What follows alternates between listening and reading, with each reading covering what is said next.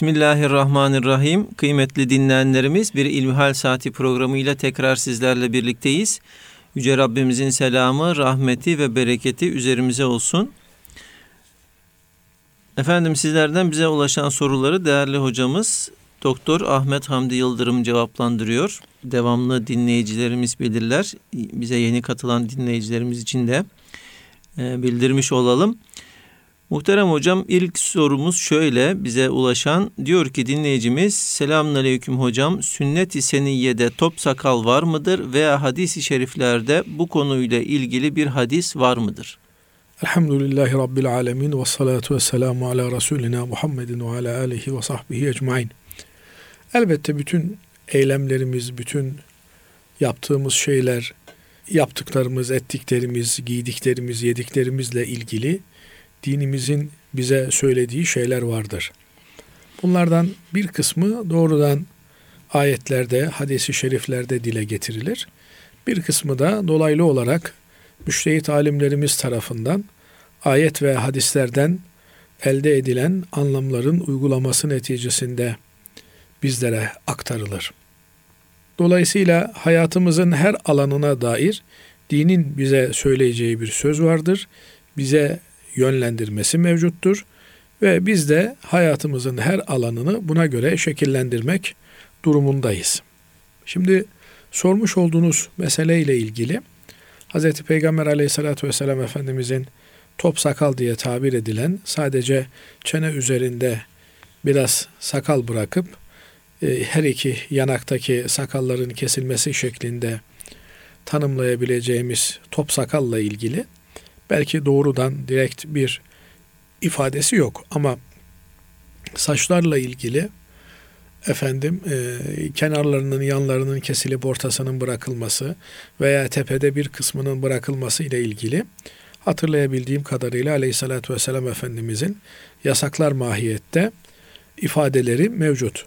Dolayısıyla aynı şeyi buraya da uyarladığımızda bunun da bir yasak kapsamına girdiğini söyleyebiliriz. Kaldı ki Hz. Peygamber aleyhissalatü vesselam Efendimiz bıyık ve sakallarımızla ilgili olarak bıyıklarınızı kesiniz, sakallarınızı bırakınız malinde bir hadisi şerifi farklı varyantlarıyla kitaplarımızda görüyoruz. Sahih kaynaklarımızda görüyoruz. Dolayısıyla Efendimiz Aleyhisselatü Vesselam bizlere sakal bırakmayı emretmiş oluyor. Emrederken de bunun illetini, gerekçesini müşriklere muhalefet ediniz. Müşrikler gibi yapmayınız. Siz bıyıklarınızı kesin, sakallarınızı bırakın buyuruyor. Burada tabi akla belki şöyle bir soru da gelebilir. O günün müşrikleri sakal bırakmıyorlardı. Müslümanlar onlara muhalefet etmek maksadıyla sakal bırakıyordu. Binaenaleyh eğer bugün durum değişmişse mesela bakıyoruz Rus entelektüellerin işte batılı e, feylesofların hepsinin sakallı olduğunu görüyoruz. Binaenaleyh artık sakal dini bir ritüel olmaktan çıkmış. Bir yönüyle de bir grup insanın e, geleneği adeti haline gelmişse onlara muhalefet etmek için sakal kesmemiz gerekir mi eğer maksat muhalefet etmekse? Bu tür nedenler ileriye sürmek ve bunlardan hareketle efendim e, işte müşriklere benzemeyin siz sakal bırakın onlar sakal bırakmıyorlar. E bugün değişmişse durum hükümde değişecek mi diye bir kardeşimiz sorabilir.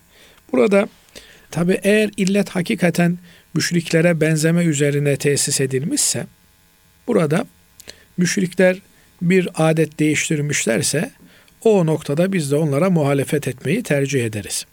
Fakat illet onun üzerine bina edilmemiş Efendimiz Aleyhisselatü Vesselam'ın bir sünneti olarak sakal karşımıza çıkıyor ise o zaman biz Hazreti Peygamber Efendimizin sünnetini yerine getirmiş oluruz. O gün için bu sünnetin bir tali manası da müşriklere benzememek idi. Efendimiz Aleyhisselatü Vesselam'ın sakal bırakma sünnetine geldiğimizde Efendimiz Aleyhisselatü Vesselam'ın sakalının bir kabza olduğunu kitaplarımız bizlere anlatıyorlar. Dolayısıyla sünnet olan sakal bir kabza şu şekilde el tutulduğunda bir kabza uzunluğunda sakalın bırakılması sünnet olarak değerlendirilmiş. Efendim benim yüzümdeki sakala gelince bu sünnet standartlarında maalesef bir sakal değil. sakalın e, sakalı kesmenin haram olması ve sakal bırakmanın sünnet olması meselesine de müsaadeniz olursa burada bir temas etmiş olalım. Sakal kesmenin haram olması uzaktan bakıldığında bu adam sakalsız, sakalını kesmiş deniliyor ise bu kimse e, üç mezhebe göre haram işlemiş kabul ediliyor. Şafii mezhebi bunun mekruh olduğunu söylüyor. Binaenaleyh uzaktan bakıldığında e, bir sakal görüntüsü görünüyor ise efendim bugünün ifşa, e, tıraş ifadesiyle 3 numaraya 2 numaraya sakalını kesmiş biri diyelim. Bunun yüzünde bir sakal karartısı varsa ki e, bazıları buna işte kirli sakal ya 3-4 gün kesilmemiş, 5 gün kesilmemiş sakal anlamına bir ifade de kullanıyor. Bununla Allahu alem haramdan kurtulunulmuş olur. Ama tam anlamıyla sakalın sünnet şekliyle bırakıldığından bahsedebilmek için hakikaten boyunun bir kabza, uzunluğunun bir kabza kadar olması gerekir deniyor ve bu yüzün her tarafında aynı şekilde olması lazım gelir. Binaenaleyh sadece çene tarafında 4-5 kıl bırakmak veya bir tutam sakal bırakmakla sakal sünneti yerine gelmiş olmaz. Diğer taraflarını kesmesi halinde burada da yine e, yüzü tıraş etmek, sakalı kesmek gibi bir durum söz konusu olduğundan az önce sözünü ettiğimiz mahzur ortaya çıkmış olur. Binaenaleyh bu gibi e, durumlarda biz Hz. Peygamber aleyhissalatü vesselam Efendimizin sözüne ve fiiline uygun olarak bir icraatta, fiiliyatta bulunmamız lazım gelir.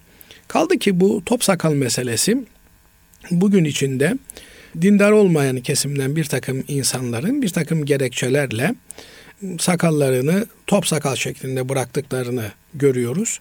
Bunlar da muhalefet edilmesi, aynı kadraja girmemeye dikkat edilmesi gereken kimseler olduğu için böyle bir şeyden uzak durmak lazım geldiği kanaatindeyim.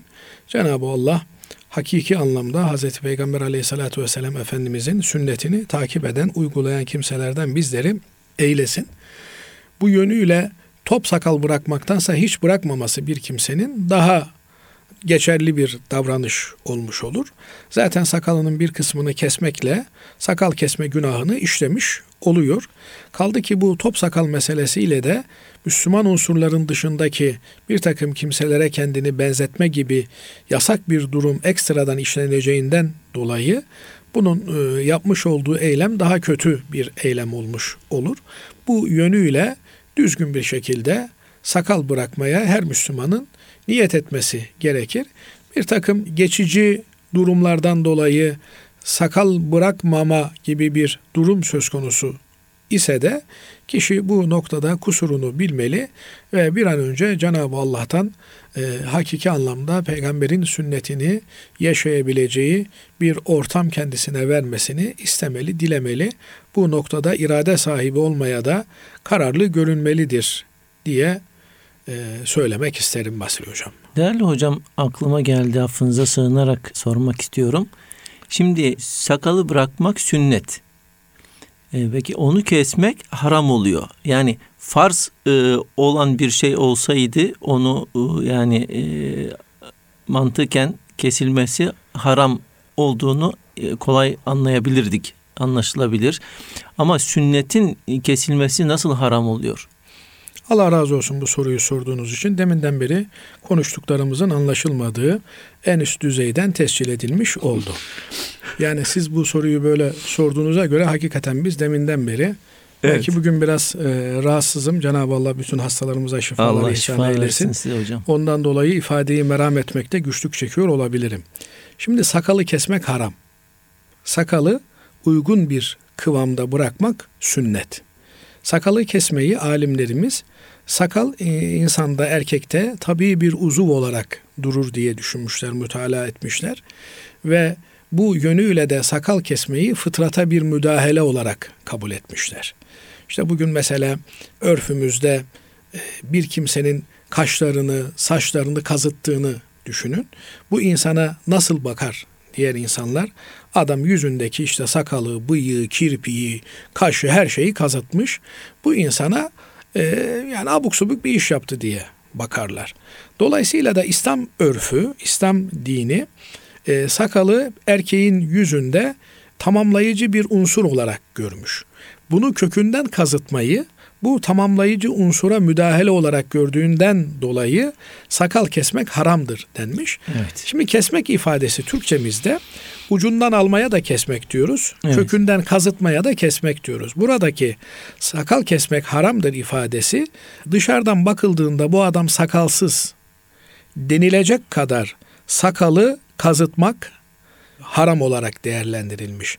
Ama işte e, benim e, yüzümdeki sakal veya işte sizin yüzünüzdeki sakal uzaktan bakıldığında işte yüzünde sakal var deniyor. E, bu haram olmaktan kurtarıyor. Yani Evet. haramlık aşamasını geçiyor. Ama benim yüzümdeki sakal hakiki anlamıyla sünnet mertebesine e, ulaşmış bir sakal mıdır? E, dokunmasam ulaşacak. Yani bir tutam olduğunda sünnet boyuna erişmiş olacak. E, burada e, bizim eksikliğimiz, bizim kusurumuz, bizim bir sünneti hakkıyla yerine getiremiyor oluşumuz yanlış bir şey söylememizi e, gerektirmiyor. Evet. Binaenaleyh bu kusur bizim ama bu kadar bir sakalla sakal kesme dediğimiz mahzurdan, tehlikeden korunmuş oluyoruz. Evet. Biraz daha uzatıp da bir tutam kadar olduğunda yani bir kabza deniyor, bir e, el kadar olduğunda, bu şekilde olduğunda e, bu tam anlamıyla sünnet şeklini de almış oluyor. Mamafi bir e, Süleyman hocamız vardı Allah gani gani rahmet eylesin. Biz. Kur'an kursundayken fıkıh derslerini hocamız bize verirdi. E, çok e, büyük bir alimdi. Defalarca İbn Abidin haşiyesini okumuş, Fethül Kadir'i okumuş. Fıkıh müktesebatı çok olan biriydi. Meseleler zihninde çok canlı bir hoca efendiydi. O da benim kadar sakalı vardı. Mamafi elini böyle biraz da burnunun altından tutarak bir kabza şeklinde ifade ederdi. Burada tabii bir takım takdirler değişebiliyorlar. E, asıl olan e, örfe göre e, sakalın belli bir kıvamda olması. E, bunu da Hz. Peygamber aleyhissalatü vesselam Efendimizin sakalını ölçü olarak aldığımızda bir kabza olarak ifade etmişler. Bu şekilde sakal bırakan bir kimse üstünü alması uygun görülmüş. Yani çok da fazla e, sakalı uzatarak işte göbeğe kadar gelmesi de doğru görülmemiş. E, her ne kadar bazı kimseler sakaldan hiçbir kıl kopartılmaz türünden bir ifade kullanıyorlarsa da sakalı çevrelemek, bakımını yapmak ve güzel bir görünüşe sahip olmak da önemli görülmüş aleyhissalatü vesselam Efendimizin hadislerinden anladığımız kadarı ile. Evet Allah razı olsun hocam. Değerli hocam ikinci sorumuza e, geçmek istiyorum. Diyor ki dinleyicimiz kadınlar Kur'an-ı Kerim okuyacakları zaman başlarını örtmeliler mi?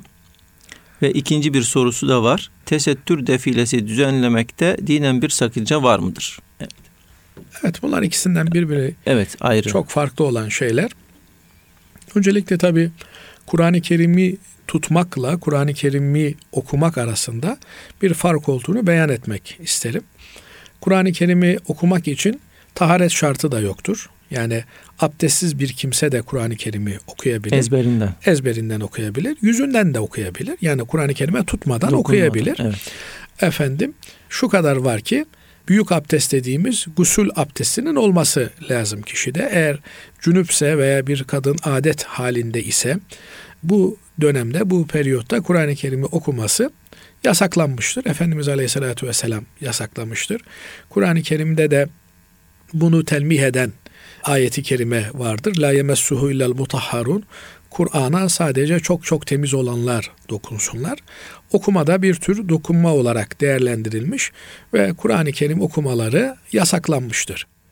Mamafi bunun haricinde yani e, cünüp olmayan ve hayız adet halinde, lohusalık halinde olmayan bir kadın için, cünüp olmayan bir erkek için e, Kur'an-ı Kerim'i okumanın bir engeli yoktur. Temiz olan her yerde Kur'an-ı Kerim'i okuyabilir. Kur'an-ı Kerim'i okurken tabi bir kimsenin e, edebe riayet etmesi istenir.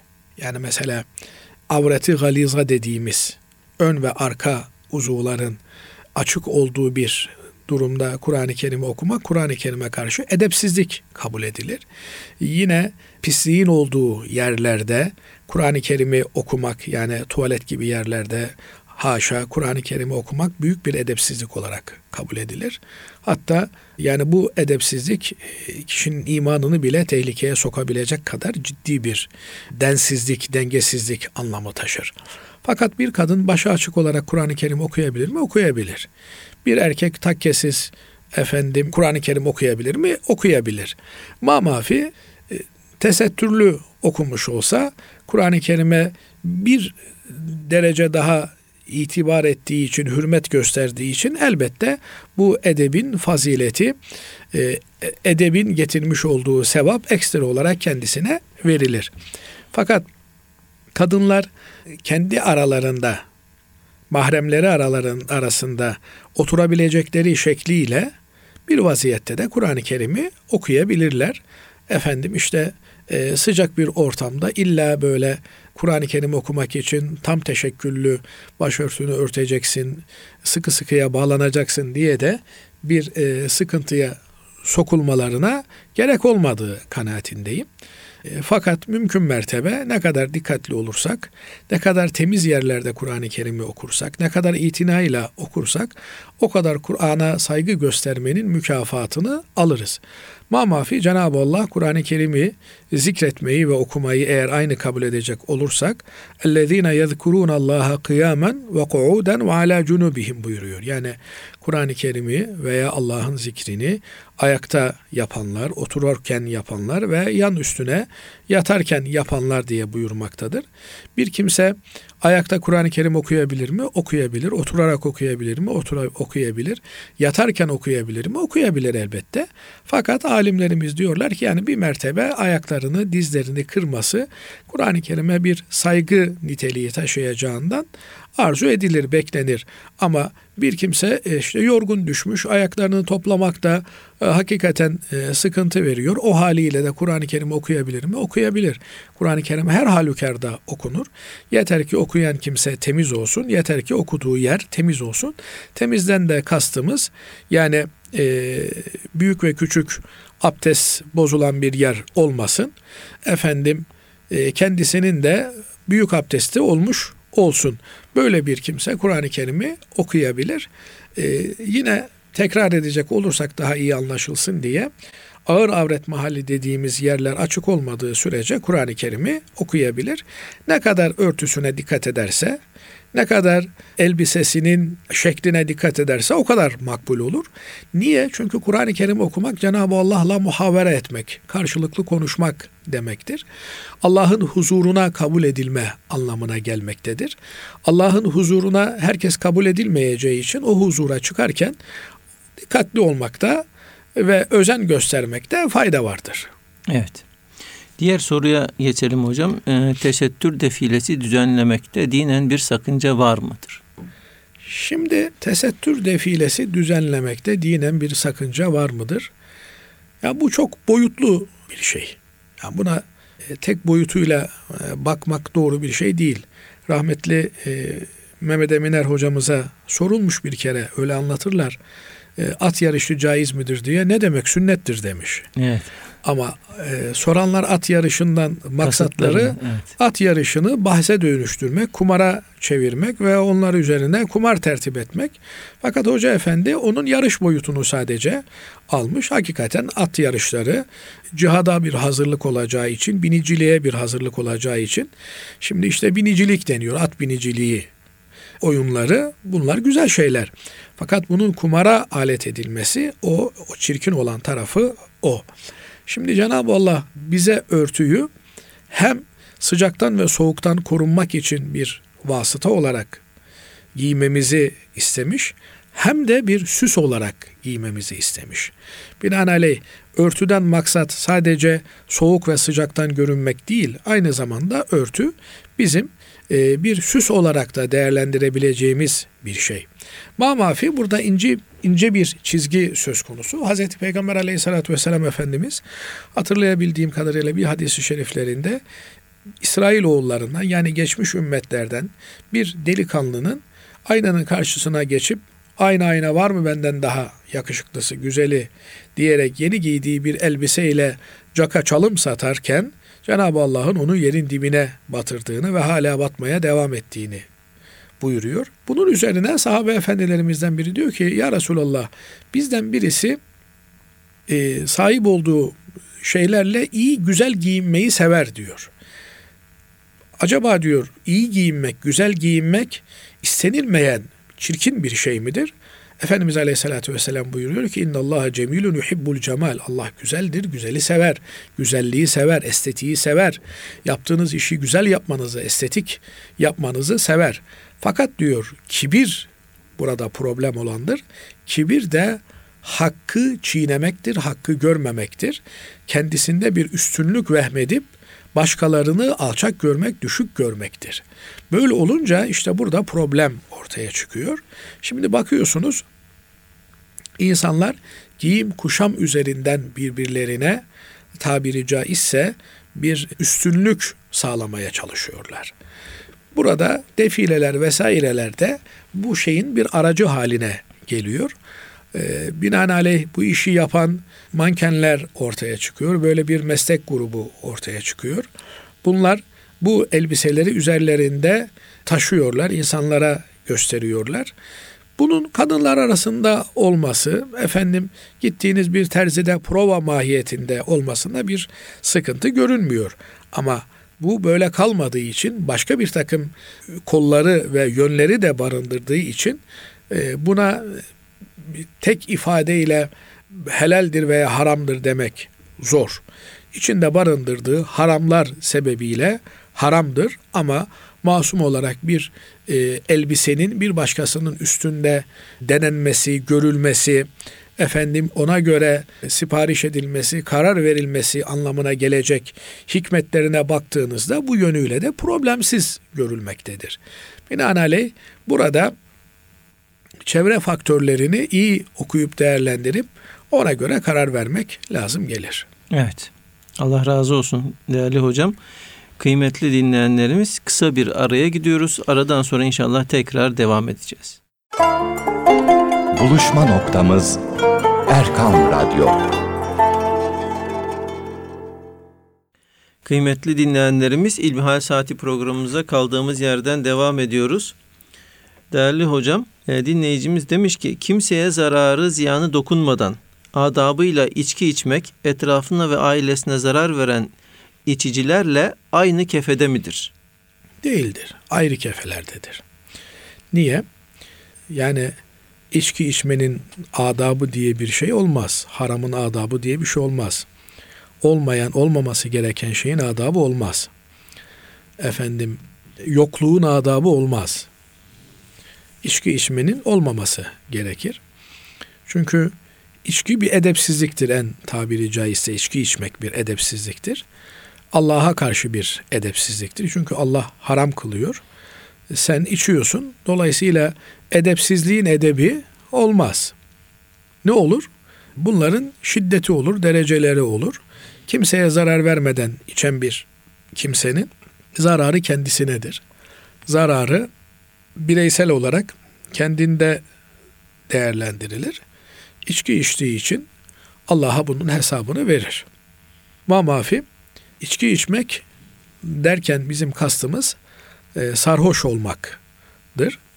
Sarhoş olmanın da bir şarap dediğimiz nesne içerek sarhoş olmak vardır. Bir de şarap dışındaki nesneleri içerek sarhoş olmak vardır. Şarabın sarhoş olsa da olmasa da her aşaması e, bir suç teşkil eder. Diğer nesneleri içen kimselerin sarhoş olmaları halinde e, kanuni takibat söz konusu olur.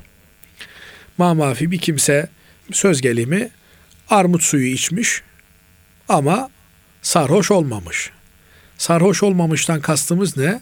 Yani dışarıya çıkıp naralar atmamış, abuk subuk laflarla milleti efendim rahatsız etmemiş. Biz onun sarhoş olup olmadığını bilemeyiz. Yani ev ev dolaşıp da alkol metre ile kimsenin alkolünü ölçmek durumunda değiliz. Kaldı ki alkol metrelerde de helal olan şeylerden dolayı e, alkolün yüksek görülmesi mümkün olabilir. Bir defasında e, Kore'ye, Güney Kore'ye gitmiştik. Heyetimizde bulunan abilerden bir tanesi naneli e, şekerler almış ağız kokusunu gidersin diye. Şoförümüze de e, takdim etti. O da ağzına attı naneli şekeri. 3 dakika geçmedi, 5 dakika geçmedi. Polis çevirdi. Alkol metreyi tuttu. Alkol çıkıyor. Adam alkol filan almadı yani. Nane şekerini aldı. Oradaki mentol alkol metrede göründü. Binaenaleyh şarap dediğimiz e, üzümden, arpadan yapılan içkinin dışındaki içkilerde bir kimse sarhoş olup sarhoş olduğunu belli etmediği sürece hukuki kovuşturmaya tabi olmaz. Yani evinde içmiş veya dükkanında içmiş e, ne içtiğine ne, ne, ne içtiği şeyin ne olduğuna kimse gidip de bakmaz. Ama eğer etrafa zarar vermeye başlamışsa, naralar atmaya başlamışsa her ne içmiş olursa olsun bu durumda tabiri caizse İslam devletinde zaptiye müdahale eder. E, alkolometre ile içip içmediği tespit edilir. Eğer içmişse duruma göre bir ceza tertip edilir. Buradan anlaşılıyor ki eğer bir kimse usulüne uygun yani sarhoş olmayacak şekilde bu tür müskiratı içmişse onun günahı kendisiyle Cenab-ı Allah arasındadır. Hariçten ona müdahale edilmez. Fakat toplumu rahatsız edecek bir şekilde eylemlere başlamış, dengesiz işler yapmaya başlamışsa o zaman toplumun huzuru için buna müdahale edilir. Evet. Buradan da anlaşılıyor ki elbette kendi kendine bir günahı işleyen bir kimse ile bunu sokağa taşıran bir kimsenin günahı aynı değil. Hem dünyevi olarak aynı değil hem de uhrevi olarak aynı değil. Ama buradan işte kimseye zarar vermeden içersen bu caizdir, helaldir anlamı çıkmaz. Evet. Cenab-ı Allah size verdiğim helal nimetler size yetmedi mi de harama tevessül ediyorsunuz diye bunun hesabını bize sorar. Ee, üzüm suyu içebiliriz, üzüm yiyebiliriz, üzüm şırası tüketebiliriz, pekmez tüketebiliriz, sulandırarak tüketebiliriz. Dolayısıyla sözüm ona içkiden elde edilecek faydayı bu şekilde elde etmiş olabiliriz. Evet. Ama maalesef bazen şöyle ifadelerle karşılaşıyoruz. Ben sosyal içiciyim. Ne demek sosyal içiciyim? Efendim bir mecliste içki olduğunda e, sofradaki diğerleri darılmasın diye ben de onlarla beraber içerim. E, yani eğer zehir içiyorlarsa sen de onlarla beraber içecek misin zehiri? Çok abuk subuk bir ifade. Çok yanlış bir ifade. Dolayısıyla sosyal içicilik vesaire filan diye ben her yola yordama ayak uydururum diye bir Müslümanın ağzına yakışan bir ifade değil. Müslüman harama karşı tepkili olabilen insandır. Harama el sürmediği gibi oturduğu kalktığı yerde de haramla yani haram demek ne demek? Ya Rabbi ben seni tabiri caizse dinlemiyorum demektir. Böyle bir ortamda Allah'a isyan olan ortamda bulunmamaya gayret eder. Evet. Bir diğer sorumuz e, şöyle. Alacağı tahsil etmek için borçluya evini sattırmak zulüm müdür? Şimdi alacak meselesi önemli, borç meselesi önemli. Bir insan borcu ödemek maksadıyla alır. Ve ödeyebileceği bir borcu alır. Yani ödeyemiyorsa, ödeyemeyeceği bir borcu almışsa ne diye almış bu borcu? Bunun ödeyemeyeceği bir şeyi alması zulüm değil midir? Fakat şöyle olabilir yani diyelim ki acil bir durum söz konusu oldu. Çocuğunuz ameliyatta e, bir yerden para bulamadınız. Doktorlar da e, elhamdülillah memleketimizde kalmadı artık böyle bir şey. Doktorlar da para almadan ameliyat etmeyiz diyorlar. E, siz bu durumda işte çok yüklü miktarda borçlandınız. Nasıl öderim diye düşünmeden, hesabını kitabını yapmadan zaten yapma durumunda da değilsiniz. Borçlandınız. E, ondan sonra bu borcu ödemeniz gerekiyor. Borcu ödemeniz gerekiyor. Nasıl ödeyeceksiniz? Varınızı yoğunuzu satarak asgari standartlarda yaşama razı olarak borcunuzu ödeyeceksiniz. Efendim eviniz varsa evinizi satarsınız, kiraya çekilirsiniz, borcunuzu ödersiniz. Borçlu olarak ahirete gitmek çok tehlikeli bir şey. Kul hakkıyla ahirete gitmek çok tehlikeli bir şey. Binaenaleyh bu tür borçlanmalarda dikkatli olmak gerekiyor. Ee, Bu yönüyle zaman zaman söylüyoruz. Zaruri olan şeyler için borçlanmak caizdir. Nedir? Az önce söylediğimiz işte bir yakınınız bakmakla yükümlü olduğunuz kimse e, acil bir operasyona ihtiyacı vardır, ameliyata ihtiyacı vardır, para gerekiyordur. E, İşte çoluğunuzu çocuğunuzu evlendireceksiniz, kendiniz evleneceksiniz, paraya ihtiyaç vardır. Efendim bir ev aldınız ondan dolayı paraya ihtiyaç vardır. Bu gibi durumlarda kendi hesabınızı, muhasebenizi yaparak borçlanırsınız. Ve Cenab-ı Allah da size yardım eder, borçlarınızı ödersiniz. Hakikaten böyle bir ihtiyaç kaynaklı borç olmuşsa bu gibi durumlarda borç aldığınız kimseler de ayeti kerimenin ifadesiyle ve inkâne zu usratin eğer borçlu kimse dardaysa imkanı yoksa fenaziratun ila meysara eli bollaşıncaya kadar beklersiniz diyor. Ama adamın evi varsa yani kendi mülkü evi varsa e, bu adamın imkanı var demektir. Fakat adam evini sattı, kiraya geçti. İşte asgari eşya ile orada yaşıyor. E, Bu insana bir daha da kalkıp canını sat diyecek haliniz yok. Evladını sat diyecek haşa haliniz yok. Ne yapacaksınız? Bekleyeceksiniz. Ne zamana kadar bekleyeceksiniz? Eli bollaşıncaya kadar, fırsat imkan buluncaya kadar bekleyeceksiniz. Ama daha erdemli olan, daha faziletli olan o an tasaddaku fehuve hayrun leküm bağışlamanız. Ben size bağışladım kardeşim bunu demeniz. Bunun mükafatını Cenab-ı Allah'tan ben bekliyorum demeniz. Böyle yaparsanız daha faziletli bir iş yapmış olursunuz. Zaten adamın imkanı yok. Görüyorsunuz ödeyemeyecek size. Böyle yapmakla hem kendiniz ruhen rahatlamış olursunuz.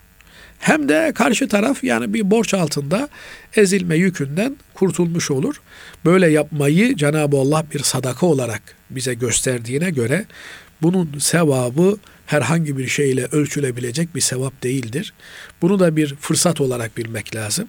Hakikaten birine borç vermişsiniz. Baktınız ki adamın işleri ters gitmiş. Ödeme planları yapmış ama tutmamış. Başkalarından da alacağı var ödeyemiyor. E sizin de en yapacağınız en güzel, en e, faziletli davranış Kardeşim ben sana bu borcu bağışladım. Gel sarılalım. Alacak verecek yok. Sen utanma çekinme. Ben de rahat rahat geleyim senin çayını, çorbanı içeyim diyerek helalleşmektir. Evet. Değerli hocam e, son sorumuzu da şöyle sormuş olalım.